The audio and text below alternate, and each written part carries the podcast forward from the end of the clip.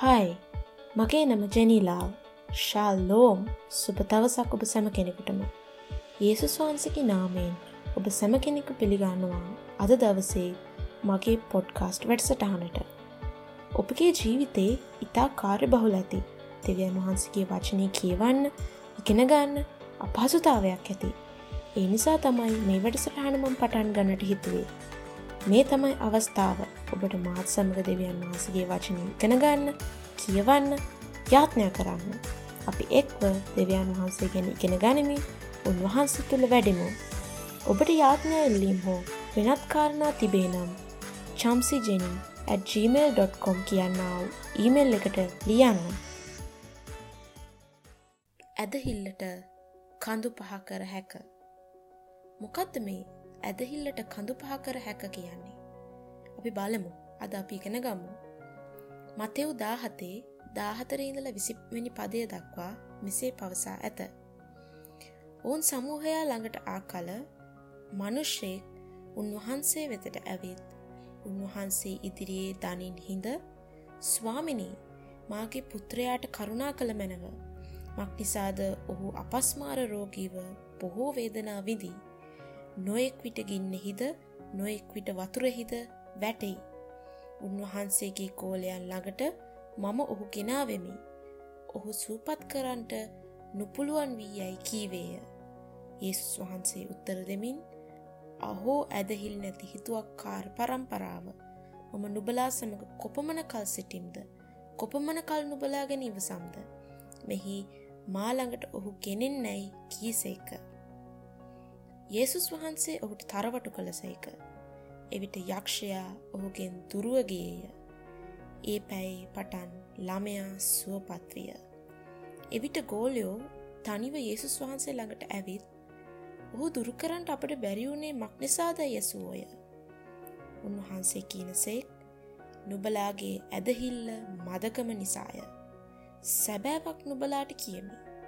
අබෑටයක් පමණ ඇදහිල්ල නුබලාට ඇත්නම් මේ කන්දට කතාකොට මෙතැනින් අහක්ව එතැනට යවයි කීවත් ඒක යන්නේය. කිසිවක් නොබලාට බැරිනුවන්නේ යැයි කීසේක.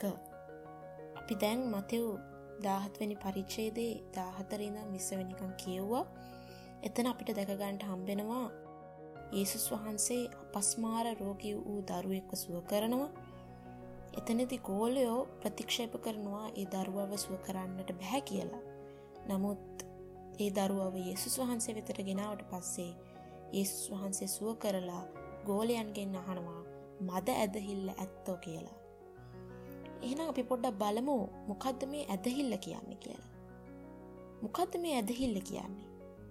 යම් කිසි දෙයක් ගැන හෝ කෙනෙක් ගැන හෝ සම්පූර්ණ විශ්වාසය තැබීම තමයි ඇදහිල්ල කියන්නේ. එහෙනම් අද මං ඔබගෙන් ප්‍රශ්නයක් අහන්නට කැමතියි. අද ඔබගේ ඇදහිල්ල කොහෙත් තියෙන්නේ. එහෙම නැත්තං ඔබගේ ඇදහිල්ල කුමක් මතද තියෙන්නේ.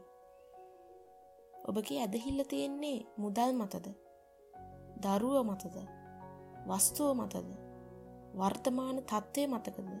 එහෙම නැත්තම් ඔබගේ නිවස හෝ වෙනත් ගොඩනැගිලි මතද. මේ සෑමදේම තාවකාලිකයි.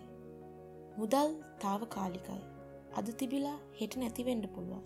හෙට තිබිලා අද නැතිවෙන්නට පුළුවන්. දරුවෝ තාවකාලිකයි. වස්තුව තාවකාලිකයි.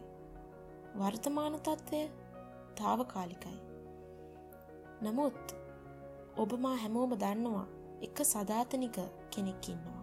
මලවුන් පරාජය කළ කෙනෙක්කින්නවා. ඒ තමයි යේසුස් වහන්සේ. එසේ නම් අද දවසේ මං ඔබව දහිරමත් කරනවා ඒ නැතිවෙන්නාව ඒ තාවකාලික දේ ගැන නෙවෙයි ඒ නැති නොවෙන්නා වූ සධාතනික දෙවි කෙනෙක් වන ඒසුස් ක්‍රිස්තුස් වහන්සේ කෙරෙහි පමණක් ඔබගේ ඇදහිල්ල තබාගන්නට කියලා. අදවසේ අපි තව පොඩ්ඩක් බලමු මොකද මේ ඇදහිල්ල කියන්න කියලා හේප්‍රව් එකොළහේ පළවෙනි පරිච්ෂේදය අපි කියවමු එක කියනවා ඇදහිල්ල නම් බලාපොරොත්තු වන දේ ගැන සහතිකය නොදක්නාදේ ගැන ඔප්පුවක් කියලා. සමහරක් විට අපිට බලාපොරොත්තු වන දේ ඒ වෙලාම සිද්ධ වෙනු අපිට පේනෙ නෑ නමුත් බලාපොරොත්තු වන දේ කෙරේ පමණක් විශ්වාස කිරීම සහ අපට නොපෙනුනත් ඒක පිටිපස්ස දෙවියන් වහන්සේ ක්‍රියා කරන බව අපට සහතික් කරගන්න පුළුවන්. අපගේ ජීවිතයේ අප කුමන තත්ත්වයක සිටියත් දෙවියන් වහන්සේ ඊට පිටිපස වැඩ කරන බව එහි ක්‍රියා කරන බව අපි විශ්වාස කළ යුතුයි. එසේ නම් අද දෙවියන් වහන්සේ ඔබගෙන් ඉල්ලන්නේ පර්වතයක් වගේ ඇදහිල්ල නෙවෙයි. ඒ විශාල අපට නොපෙනෙන්න්නාව ඇදහිල්ල නෙමේ උන්වහන්සේ අපගෙන් අහන්නේ ඔබට තිබෙනවාද අබ්බ ඇටේක තරම්? නේ අබ ඇටේ කියන්නේ කොපමන කුඩා දෙයක්ද? නේ එකන්නේ සමහරක් කලාවට අපිට හැටවත් පේන්න අප ඇටි කියන්නදේ නමුත් ස්වාමීන් වහන්සේ අද ඔබගින් මගින් ඉල්ලන්නේ මේ ලොකූ විශාල දෙයක් නෙවේ. කුඩාදේ කුඩා කුඩා ඇදහිල්ලක් ඇති කියලා කියනවා. එසේ නම් අද අපි අර පළවෙනි මතය උදාහතේ දාහතරිඳම් විස්ස වෙනකම් බැලුව වගේ. ඒසුස් වහන්සේ ඒ අපස්මාර රෝගියූ දරුවට තරවටු කරද්දී ඒ අශුද්ධාත්මය ඒ දරුවගේ නිදහස් වෙලා ඒ දරුව සුවය ලැබුවා. නේ නමුත් ගෝලයන්ට එදේ කරන්න බැරි වුණා. එතන ස්වාමීන් වහන්සේ ආනෝ මද හැදහිල් ඇත්තා? කියලා. නේ එන ස්වාමීන් වහන්සේ අද ඔබගෙන් මගෙන් බලාපොරොත්තු වෙන්නේ ඒ අබ්බෑට ඒක තරම් ඇදහිල්ලා එතකොට ඒ වචනය අන්තිමයට කියනවා ඒ මේ කන්දට කතා කරලා අරකන්දෙන් වැටෙන්ඩ කියලා කිව්වත් ඒදේ සිද්ධ වෙනවා කියලා අපිට අබෑට ඒක තරම් විශ්වාසයක් තිබෙනවාන. එනම් අද ඔබගේ ජීවිතේ ඔබ මොනවද පොරබදින්නේ. ඔබ ඇදහිල්ල නැතුව ඔබගේ ජීවිතය යම් කිසි කාරණයක් ඔබ පොරබදිනවාද.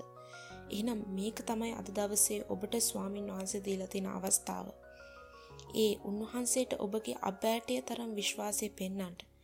ඒ වෙන කිසිම දෙයක් ගැන නෙවේ උන්වහන්සේ කෙරෙහි පමණක් ඒ ඇදහිල්ල තබාගන. ඔබ යාත්නය කරලා ඔබ ඒ දේ ප්‍රකාශ කරන්න මක් නිසාද උන්වහන්සගේ වචන කියනවා අපේ වචනයට බලයක් තිබෙනවා කියලා. ඒ නිසා ඔබ ඔබ දකිින්ට කැමති දේ ඔබ ප්‍රකාශ කරන්න. ඔබ රිනාත්මක සිතුවිලි තබාගන්ට එපා. ඔබ ධනාත්මක සිතුවිලි තබාගෙන ඔබ ඒ ප්‍රකාශ කරන්න ඔබේ කන්දට කතා කරන්න ඔබගේ ඉදිරියේ කඳු වගේ පර්වත වගේ දේවල් තිබෙනවනම් ඔබට ඇදහිල්ල නැති නිසා ඒවා සිද්ධ වෙන්නේ නැතුව ඔබ ඒ දේවල්ට මේ මොහොතේ යේසුස් වහන්සේගේ නාමයෙන් ඔබ කතා කරන්න.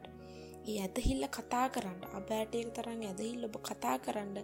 එවිට ඔබ ඒ සියලු ප්‍රතිඵල ඔය ඇදහිල්ල තුළින් ඔබට ලබාගන්න පුළුවන්. එසේ නම් අද දවසේ මං ඔබ ආශිර්වාද කරන්න කැමති මේ වචනෙත් එක්ක කුඩා වචනයක්. නමුත් මං සිතනවා මේ දේ ඔබට ආශිර්වාදයක් වෙයි කියලා.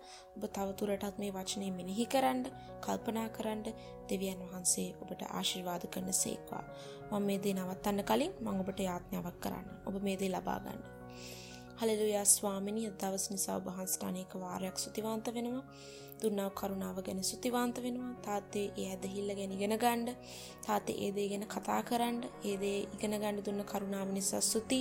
ස්වාමිනිමං ආයාත්නයක් කරනවා. මේ දේ අසන සෑම කෙනෙක්කම හදවත් ඔබහන්සේ ඇදහිල්ලෙන් පුරවන්ඩ තාත්තේ තව තව එළිදරව්වීම් ඔවුන්ගේ හදවත් තුළ ඔබහන්සේ තබන්ඩ ස්වාමිනි ඔවුන්ව ආශිර්වාදම කරන්න තාතේ ජීවිතේ යම් කිසි ස්ථානවල් තිබෙනවද? ඔවුන්ට ඇදහිල්ල මදකම නිසා ඔවුන් තාමත් සිරවීම්වල ඉන්නවද?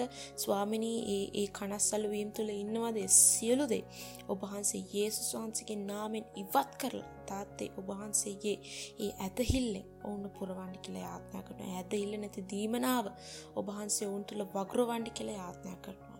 ඔබට ස්තුතියි යේසුස් වහන්සේගේ නාමේ. ආමෙන්. තව දවසකත් මෙවැනි වූ උතුම් දේව වචනයක් අරගෙන ඔබගේ නිවසට මම එන්ට බලාපොරොත්තු වෙනවා. එතකා ඔබට හැම කෙනෙක්ටම ජෙස් පිහිටයි.